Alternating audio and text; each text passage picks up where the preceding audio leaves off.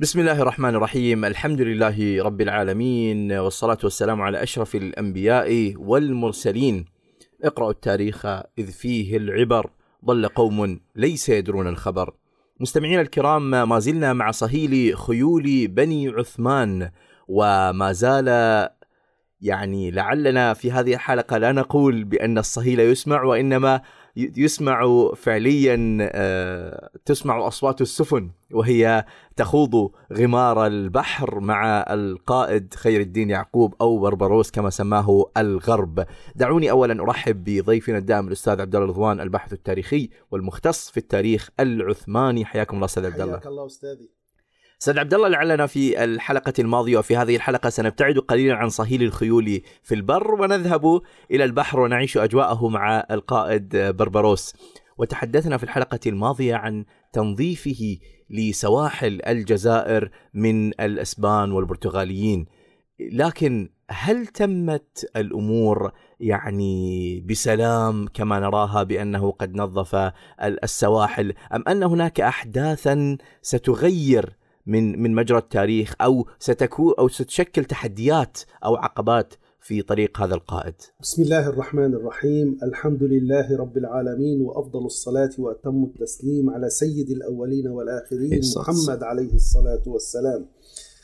آه، أستاذي وما زال صهيل خيول بني عثمان يسمع في الجزائر الآن وصلنا إلى الجزائر بعدما نعم. وصل إلى سراييفو الآن في الجزائر وقلنا أنه انتقل إلى شواطئ إسبانيا. إسبانيا والبرتغال. الآن جاءت الأوامر السلطانية بنقل الثقل الجهادي من الجزائر إلى الشواطئ الإسبانية والبرتغالية. نعم. لكن لكن كان هناك شيء يقض آه، مجع بربروسا ما هو؟ م. تلمسان. في تلمسان كان هناك حاكم عميل للإسبان وأنت م. تعرف. نعم. في التاريخ هناك بربروسا هناك. يعني الرجال حقيقة وهناك الخونة. صحيح. يعني لابد. قيل لإياس الذكي هذا قاضي إلى متى يتوالد الناس ويموتون؟ قال إلى أن تأخذ الجنة حقها وإلى أن تأخذ النار حقها. سبحان الله. آه، يعني هناك هناك قادة أفنوا حياتهم وأفنوا أعمارهم من أجل هذه الأمة وهناك أناس عاشوا لذاتهم وعاشوا لشهواتهم وهم الآن أين؟ في مزابل التاريخ من يذكر نعم. اسم هذا الرجل لا أحد يذكره وإذا ذكروا ذكر ذكر مع اللعنات التي تصاحب روحه نعم. بعد أن بسطت طبعا بربروسا وعروج نفوذهما على الجزائر راسلهما أهل تلمسان. عام 1517 نعم. وطلبا منها أن وطلبا منهما أن تنضم مدينتهم إليهما مع لماذا؟ لأن ملكهم أبي حمو الثالث قد ربطته علاقة قوية بالإسبان وهو يحارب الإسبان وهو يحارب مع الإسبان ضد أهل الإسلام وكل من في المدينة غير راض عن ذلك يا أخي أمة محمد بخير عليه, نعم. الصلاة, عليه والسلام. والسلام لا أحد يرضى مم. هم يرون عروج ويرون بربروس وكيف يقودون قافلة الجهاد ضد الإسبان والبرتغاليين ويروا حاكمهم. الخانع الذليل الذي يستقبل هذا. نفس التاريخ نفس السيناريو. في في أيام الحروب الصليبية أخي عبد الله في الشرق عندما جاء نور الدين فاتحا إلى دمشق آه، مجير الدين أبق أغلق الأبواب. أغلق الأبواب واستعد للحرب. من فتح الأبواب لنور الدين الزنكي؟ فتحهم غلمان دمشق. نقبوا الأسوار وهم يغنون نور الدين يا منصور ومن أجلك ناقبنا السور. هم نعم. لا يرضون لا المسلم لا يرضى صحيح. يعني ولكن قدرهم أنهم ابتلوا بهذا الإنسان الخائن الذي يسمى بأبي حمو. نعم. طيب. يدخل عروج مع بربروسا في حرب ضد أبي حمو الثالث وينتصر عليه. طبعا هو خانع جبان يعني يخاف من كلمة الموت. يدخلان مدينة تلمسان مكللان بالنصر. آه عروج يطلب من أخي بربروسا البقاء في الجزائر وحراستها من أي عدو غادر. م. ابقى أنت في الجزائر. هو بعد تم التحرير ارجع إلى الجزائر. الآن هناك يعني أخاف أن يأتي الإسبان. نحن في تلمسان م. ملك إسبانيا يغضب غضبا شديدا. لماذا؟ لأن حليفه أبي حمو قد هزم. وهزم أي هزيمة؟ وانتصر عروج شقيق بربروسا يرسل أربعين ألف مقاتل. كم مقاتل؟ أربعين ألف. آه، لقتال عروج الذي تحصن في قلعة المدينة. عروج طبعا كل الذين معه هم كانوا يقاتلون على السفن. والسفن تعرف لا تحتاج إلى حشود هائلة. مم. طيب تمام. آه لقد ظل عروج يقاتل حتى آخر رمق. لكن في النهاية استشهد. استشهد رحمه الله. ثم قام الإسبان بقطع رأس عروج وأرسلوه إلى الملك كارلوس الذي احتفل بهذا النصر وأمر أن يطاف بالرأس في البلاد. وإذا أتتك السهام انظر إلى السهام من أين تأتي؟ من العدو. هذه أكبر شهادة أنه كان من الصالحين. كان رجلا يدافع عن أمة محمد نعم. صلى الله عليه وسلم. طيب. آه وإن صح أن نطلق على هذه العائلة عائلة الشهداء فلا بأس. مم. طيب إذا استشهد عروج ريس في عام 1518 ولم يتجاوز منتصف الأربعين. يعني مم. شباب. بربروسا أصيب بالحزن الشديد. هو لم يكن شقيقه الأكبر فقط. كان قدوته وكان الموجه ومنه تعلم فنون القتال ومنه تعلم كيف يمتطي صهوة البحر و- وتعلم أشياء كثيرة. تعلم معاني الجهاد. طيب هذه السيرة طبعا أخي عبد الله سيرة هذه العائلة كتبت لم تكتب بالحبر إنما كتبت بالدم. الآن بعد استشهاد القائد عروج لابد من قائد جديد يحمل الراية ليتابع الطريق. طبعا كل الجند كان لديهم مرشح واحد ألا وهو خير الدين بربروسا بعد توليه منصبه الجديد يتم استدعاء القائد الجديد إلى اسطنبول حيث القصر السلطاني السلطان يعرف عروج. يعرف بشكل جيد. لكن هذا قائد جديد. نحن بحاجة أن يأتي إلينا وأن نتكلم معه ل... يعني ل- لنصل إلى رؤى محددة. وحيث سلطان العالم آنذاك السلطان سليمان. يستقبله بنفسه محتفيا به. بعد عدة جلسات ماذا يقول السلطان سليمان؟ الحمد لله الذي أوصل هذا الرجل المبارك إلى إسطنبول بسلام. وجعلني أنال رؤيته في الدنيا. تصور أخي السلطان سليمان الذي تهابه الدنيا الملوك يتمنون مقابلته ويقول الحمد لله أن هذا الرجل بربروسا وصل إلينا وجعلني أقابله. لا بل كان يخص إلى كان يعني يسر إلى خاصته ويقول إن هذا الباشا ولي من أولياء الله. لما كان يجد. من تدينه. مم. في هذه الرحلة أخي عبد الله في هذه الرحلة التقى بالمهندس سنان مم. وطلب منه أن يبني له مدرسة في إسطنبول يصرف عليها من جيبه على المعلمين والأساتذة نعم. طيب إذا الآن بربروسا هو في القصر السلطاني العملاق بربروسا يقابل العملاق سليمان وإذا التقى العمالقة لابد أن ينتج شيء كبير نعم. طبعا آه، السلطان سليمان الذي وصلت حوافر خيره في البر إلى فيينا كان مهتما جدا بالقوة البحرية. الآن هو بريا قوي جدا لكن لابد أن نقوي أنفسنا بحريا خاصة في ظل الآن بروز قوة جديدة. من هي؟ الإسبان. من هما؟ الإسبان والبرتغال. آه، ال- الأعداء في القديم كانوا آه، في البر الآن هم في البحر. يجب أن نواجههم في البحر. طيب نعم. آه، لذلك قام بتعيين بربروسا قائدا عاما للأساطيل العثمانية قائد جميل. عام لكل. الأساطيل العثمانية وطلب منه إعادة تنظيم الأسطول العثماني. والإشراف على بناء السفن لدعم الجيش والأسطول البحري ولذلك كان السلطان كان بربروسا دائما في رحلات مكوكية ما بين الجزائر واسطنبول. لماذا؟ يعني عنده مهمة عظيمة جدا طلبت منه تطوير الأسطول. الأسطول الب- البحري مم. ولم يكن تطوير القوى البحرية هو الملف الوحيد الذي ناقشه السلطان سلي... سليمان مع القائد بربروسا إنما كانت تونس هي الملف الثاني فتحنا ملف جديد. تونس نعم فقد علم السلطان سليمان أن عدوه الملك الإسباني شارل الخامس ينوي مهاجمة تونس. إذا الآن الإسبان أخذوا كامل إسبانيا وخرج المسلمون. الآن هو يمد نظره إلى الأملاك الإسلامية الأخرى تونس. لذا كان لابد من فتحها والسيطرة عليها قبل أن تصل إليها يد شارل الخامس ملك إسبانيا. يغادر بربروسا إسطنبول بثمانين سفينة وثمانية آلاف جندي عثماني. الدول انظر أخي سبحان الله العثمانيون وصلوا إلى سراييف وأيضا ركبوا البحر. ليذهبوا إلى تونس. كانوا في الجزائر قبورهم الآن في الجزائر في الجزائر وقبورهم في تونس. نعم. الله أكبر. هناك من من يوجد في تونس أخي؟ الدولة الحفصية. الدولة الحفصية في هذا الوقت كانت متهالكة. منتهية يعني بشكل نهائي.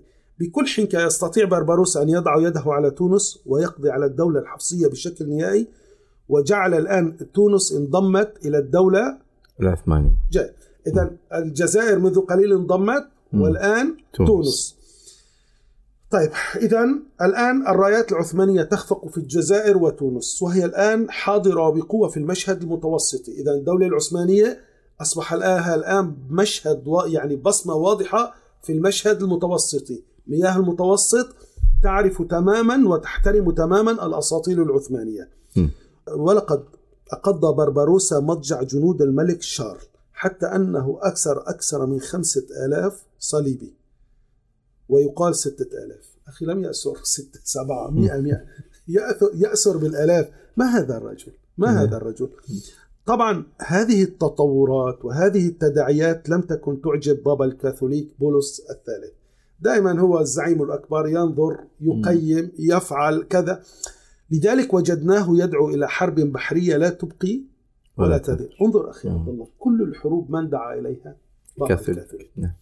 والآن هذه المعركة المفصلية سيدعو إليها من يدعو لها؟ بابا الكاثوليك.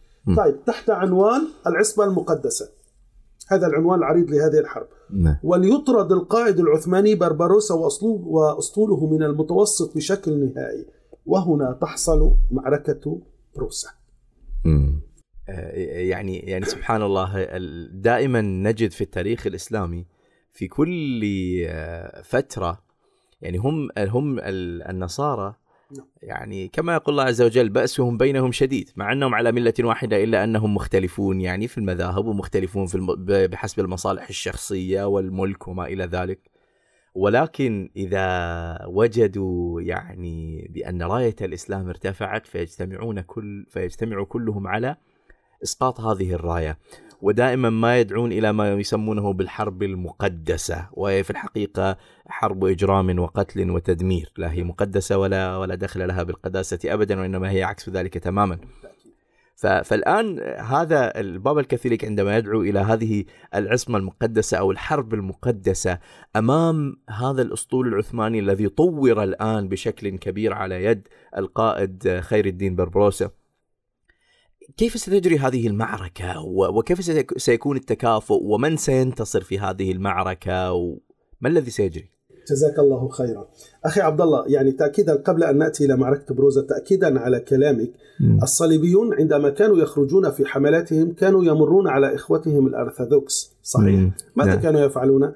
يحرقون الكنائس ينهبونها يقتلون الناس إذا هم أخي لا علاقة لهم بالقداسة. هم نعم. له هذه حروب كانت اقتصادية بكل ما تعنيها الكلمة لكن صح. تحت غطاء الدين. نعم. طيب. الآن ن- نرجع إلى معركة بروزا نذهب إلى هذه المعركة. الصليبيون هذه المرة عندهم إصرار غريب وعجيب على إخراج المسلمين من المشهد المتوسطي. نعم. يكفي ما فعله السلطان سليمان ووالده السلطان سليم أخذوا كل. تلك المساحات الشاسعة وتمددوا في البر. هل يريدون أخذ البحر منا أيضا؟ طيب. نعم. يحشد الصليبيين 600 سفينة. أخي مم. 600 سفينة. الآن تعال لننظر إلى البحر ولنرى 600 سفينة وكلها سفن عملاقة. يعني منظر مهول. عندما كانوا يحشدون عشر مئات الألوف في البر منظر مهول. عندما يحشدون الآن 600 سفينة منظر. على هذه الس- السفينة كان 60 ألف جندي. تحمل ست- ستون ألف جندي. يقودهم قائد كبير صليبي اسمه أندريا بحار إيطالي. معروف هو معروف أنه من القادة الأفذاذ عندهم. نعم. إذا هذه المرة سيشنون حربا لا تبقي ولا تذر. سنخرج العثمانيين من هنا هنا. مم. آه، وليكن اسم المعركة بروزا. إذا نحن الآن مع معركة وملحمة عثمانية جديدة. ولكن هذه المرة ملحمة بحرية بكل ما تعنيه الكلمة من معنى. شهدنا ملحمة سراييفو نيكوبولوس موهاكس وهي جميعها ملاحم برية ولكن هذه الملحمة سيكون لها طعم آخر. ذلك أنها ملحمة بحرية من الطراز الرفيع. أين أنت يا بربروسا؟ وأين جيشك؟ يحشد بربروسا 122 سفينة. 122 مقابل أخي عبد الله. 600 600 ليس. النصف حتى. هل تذكر هناك في البر عندما كانوا يحشدون مئات الآلاف والمسلمين قليلون؟ نعم. يعني من يوم بدر نعم. من يوم بدر إلى إلى إلى, إلى اليرموك إلى إلى ملاذ كرد إلى كل المعارك نحن العدد الأقل لكن نعم. نحن في قلوبنا نحمل قول الله وكم من فئة قليلة غلبت فئة كثيرة بإذن الله. بإذن الله. اذا 122 سفينة مقابل 600 600 سفينة مم. عدد الجنود 22000 هناك 60000 60000 مم. عدد غير متكافئ أبداً. لكن نعم. كم من فئة قليلة غلبت فئة كثيرة بإذن الله نعم. مكان المعركة سيكون بروزا غربي اليونان الآن مم. على فكرة بربروسا هو من جرهم إلى ذلك المكان حنكة القائد سنة بعد قليل جميل قائد الأسطول الصليبي البحار الإيطالي قلنا أندريا وقائد الأسطول الإسلامي خير الدين بربروس. زمان المعركة هو 1538 ميلادية 945 هجرية مم. هنا حصلت حصلت كرامة عجيبة للقائد بربروسا يا مم.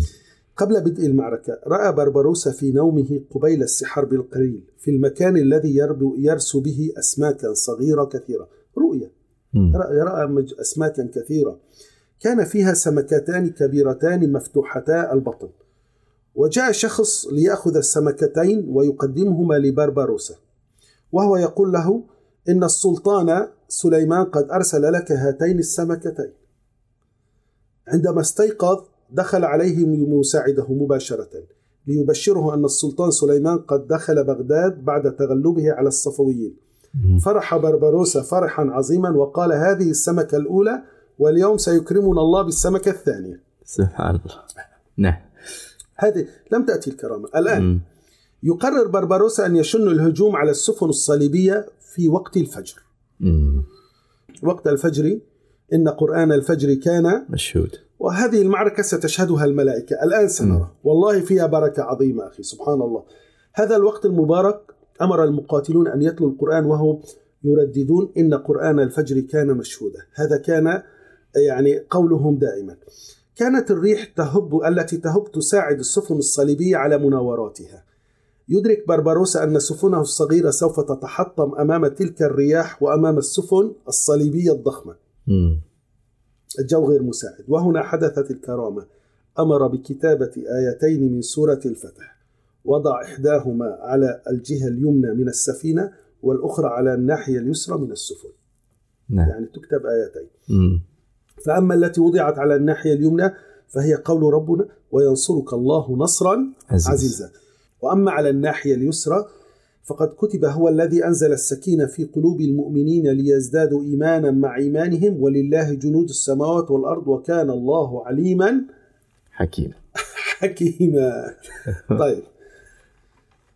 وما هي إلا برهة حتى سكنت الريح بأمر الله. وهنا يعطي بربروسا الإشارة ببدء المعركة.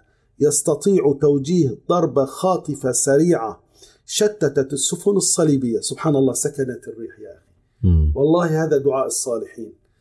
هذا قال رب أغبر أشعث مدفوع بالأبواب صحيح. لو أقسم على الله لا بر. فكيف إنسان خارج في سبيل الله عز وجل؟ مم. هذا اليقين على الله. أنا ح... أنا عند حسن ظن عبدي بي. بي. أبدا. فكيف يعني رجل يخرج بنفسه بماله بكل شيء في سبيل الله؟ نعم. يستطيع توجيه ضربة خاطفة سريعة شتتت السفن الصليبية. ومع ذلك فقد عمد الصليبيين إلى الحيلة. ماذا فعلوا؟ أنزلوا بعض القوارب الصغيرة التي تحوي على البضائع والأشياء الثمينة.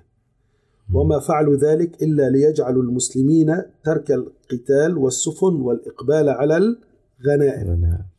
ولكن برباروسا سارع إلى تنبيه جنده ألا يبلع أحدهم هذا الطعم. تستمر المعركة من الفجر حتى أذان العصر. وتكون المفاجأة المذهلة المذهلة ينتصر المسلمون وأي انتصار؟ انتصار ساحق سطره بربروسا على مياه المتوسط وقد بلغت خسائر الجيش الصليبي ما لم يكن أحد يتوقعه فقد تم تدمير ثلاثة عشرة سفينة وأسر ست وثلاثين سفينة وأسر ثلاث ثلاثة آلاف صليبي مم. إنجاز كبير جدا. جدا نعم نتيجة ما كانت أوروبا تتوقعها هزيمة من العيار الثقيل فكيف لمئة ومئة واثنين وعشرين سفينة أغلبها سفن خفيفة تغلب 600 سفينة أكثرها سفن ثقيلة هذه المعركة أخي عبد الله كان لها أثر كبير.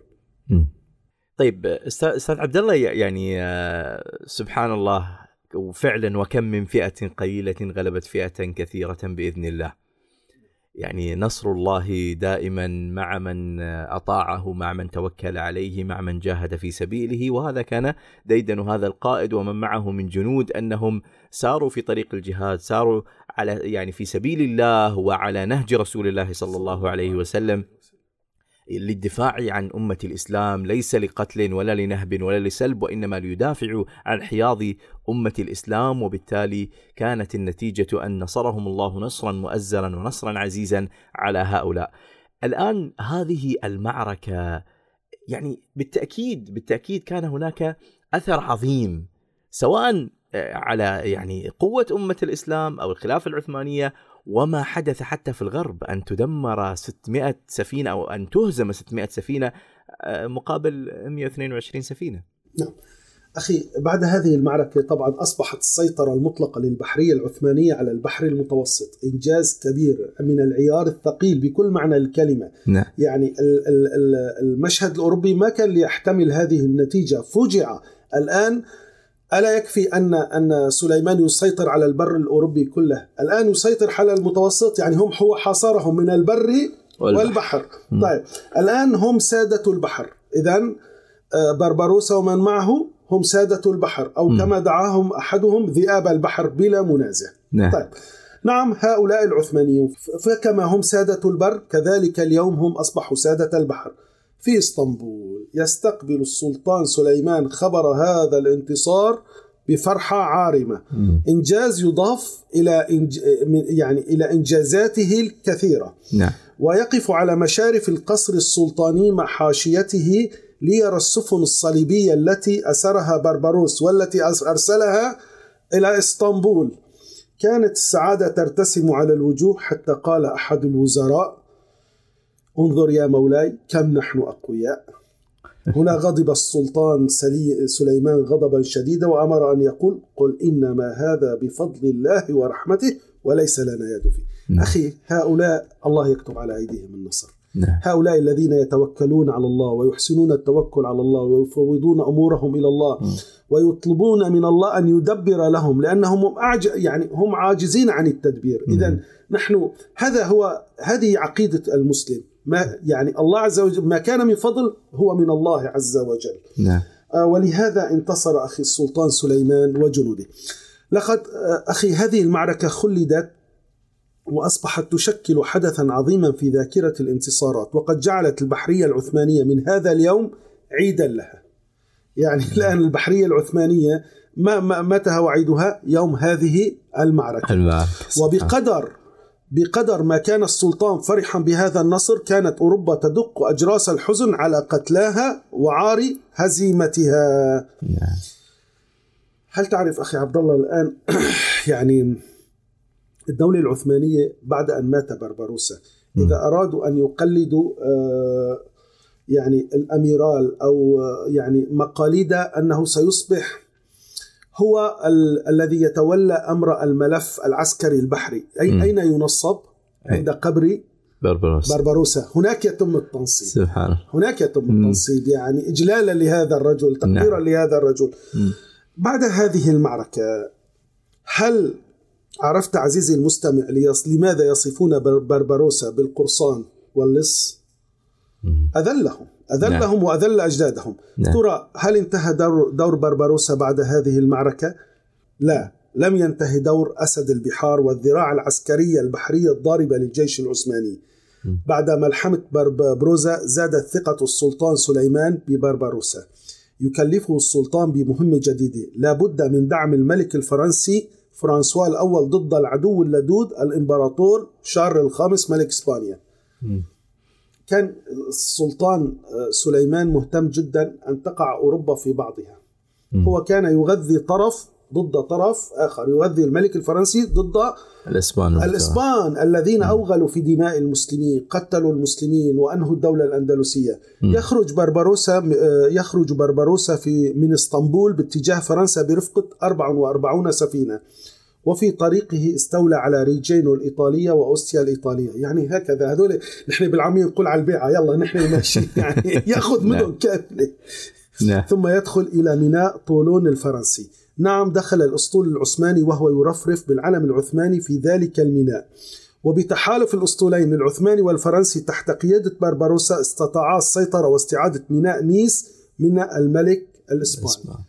إذا بربروسا هو القائد العام وهذا القائد الفرنسي هو أحد مساعديه نعم. يستطيع أن يستخلص مدينة نيس وكمكافأة للسلطان سليمان على وقوفه إلى جانب الملك الفرنسي فرانسوا قام الملك الفرنسي بالتنازل وأرجو أن نضع 100 خط تحت كلمة تنازل عن ميناء طولون الفرنسي للدولة العثمانية وتحويله إلى قاعدة حربية بحرية عثمانية ميناء طولون الفرنسي أصبح مم. قاعدة بحرية عثمانية أرأيت أخي عبد الله عندما نكون نحن قريبين من الله كيف الله يعزنا؟ نعم نعم. ولك أن تتخيل عزيزي المستمع كيف أن الأذان كان يرتفع كل يوم خمس مرات في جانب في جنبات تلك المدينة. نعم. ومن هذا الميناء قام بربروسا بشن الهجوم على السواحل الإسبانية والبرتغالية وفي عام 1546 زار بربروسا اسطنبول وهنالك مرض فجأة. كان عمره آنذاك 76 عاما. يشعر بدنو أجله. يوصي بأملاكه من السفن وهي عبارة عن 30 سفينة حربية إلى الجيش العثماني. إذا. الآن هو من أملاكه 30 سفينة يوصي بها إلى الجيش العثماني. ويوصي أن يدفن بجانب المدرسة التي بناها في حي بشكتاش في إسطنبول والتي بناها المهندس الفذ سنان. ومن حول سنان كان يقف رفاق دربه الذين شاركوه رحلة جهاده. كانت أخي عبد الله عيونهم تفيض بالدمع وهم يودعون قائدهم فارس النهار راهب الليل. نعم فقد كان بربروسا متعبا بحب الله ورسوله وما أكثر ما ذكر الله ورسوله. أخي لو لو تقرأ في الكتب في كتب التاريخ سترى أن هذا الرجل كان كان شديد التعلق بسيدي رسول الله عليه الصلاة والسلام. كان يكثر من ذكر رسول الله عليه الصلاة والسلام. وكان له حال مع رسول الله عليه الصلاة والسلام. لذلك لذلك يعني ومن كان له حال مع رسول الله لابد أن تكتب له الإنجازات ولا بد أن يجري الله على يديه الخير. طيب آه، كان طب هذا الرجل يعني كيف كانت؟ طيب في النهار هو في السفن. طب في الليل؟ قال كان يقسم ليله إلى ثلاثة أقسام. قسم للنوم قسم للصلاة قسم لتلاوة القرآن الكريم.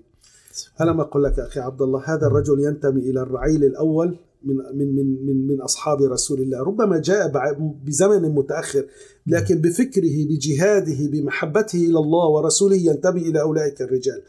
يعني هذا باختصار أحد طلاب محمد عليه الصلاة والسلام. طالما يعني طالما كتب قصة حبه أين كتب قصة حبه أخي؟ على مياه البحر. نعم. على سطح تلك المياه على مياه المتوسط كتب أجمل قصة حب للإسلام. وهكذا الرجال يكتبون قصص حبهم للإسلام. هذا رجل قلنا ينتمي بفكره وعقيدته إلى هذه المدرسة المباركة المدرسة المحمدية.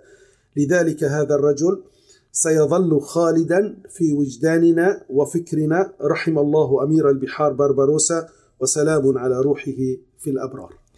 رحم الله آه، أمير البحار ويعني لعلنا في هذه آه، الحلقة شهدنا ما يتكرر فعليا طوال هذه آه، السلسلة آه، سلسلة صهيل خيول بن عثمان بأن هذه الدولة لم تقم فقط على السلاطين وإنما كانت كان هناك رجال منهم من كان عالما ومنهم من كان وزيرا أو كان الصدر الأعظم ومنهم من كان قائدا عسكريا أو قائدا بحريا إلا أنهم جميعا اتفقوا على شيء واحد كلهم كانوا يحملون في قلوبهم قول عمر بن الخطاب نحن قوم أعزنا الله بالإسلام وإن ابتغينا العزة في غيره أذلنا الله. لا فض فك أخي عبد الله. الله يرفع قدرك استاذي واذا هذه البوصلة بوصلة خيول بني عثمان ما زالت تتجه اتجاه النصر والعزة للإسلام والمسلمين. نقف معهم آه، في هذه الحلقة إلى هنا ونتابع بإذن الله في الحلقة القادمة. آه، باسمكم جميعا مستمعينا الكرام أشكر ضيفنا الدائم الأستاذ عبد الله رضوان الباحث التاريخي والمختص في التاريخ العثماني. شكرا جزيلا أستاذ عبد الله. حياك الله أستاذي. والشكر لكم آه، مستمعينا الكرام على حسن الاستماع والمتابعة. وتقبلوا تحيات فريق البرنامج من الهندسة الإذاعية حذيفة ناجي وهذ- وهذه تحيات محدثكم عبد الله حمدان. والسلام عليكم ورحمة الله وبركاته.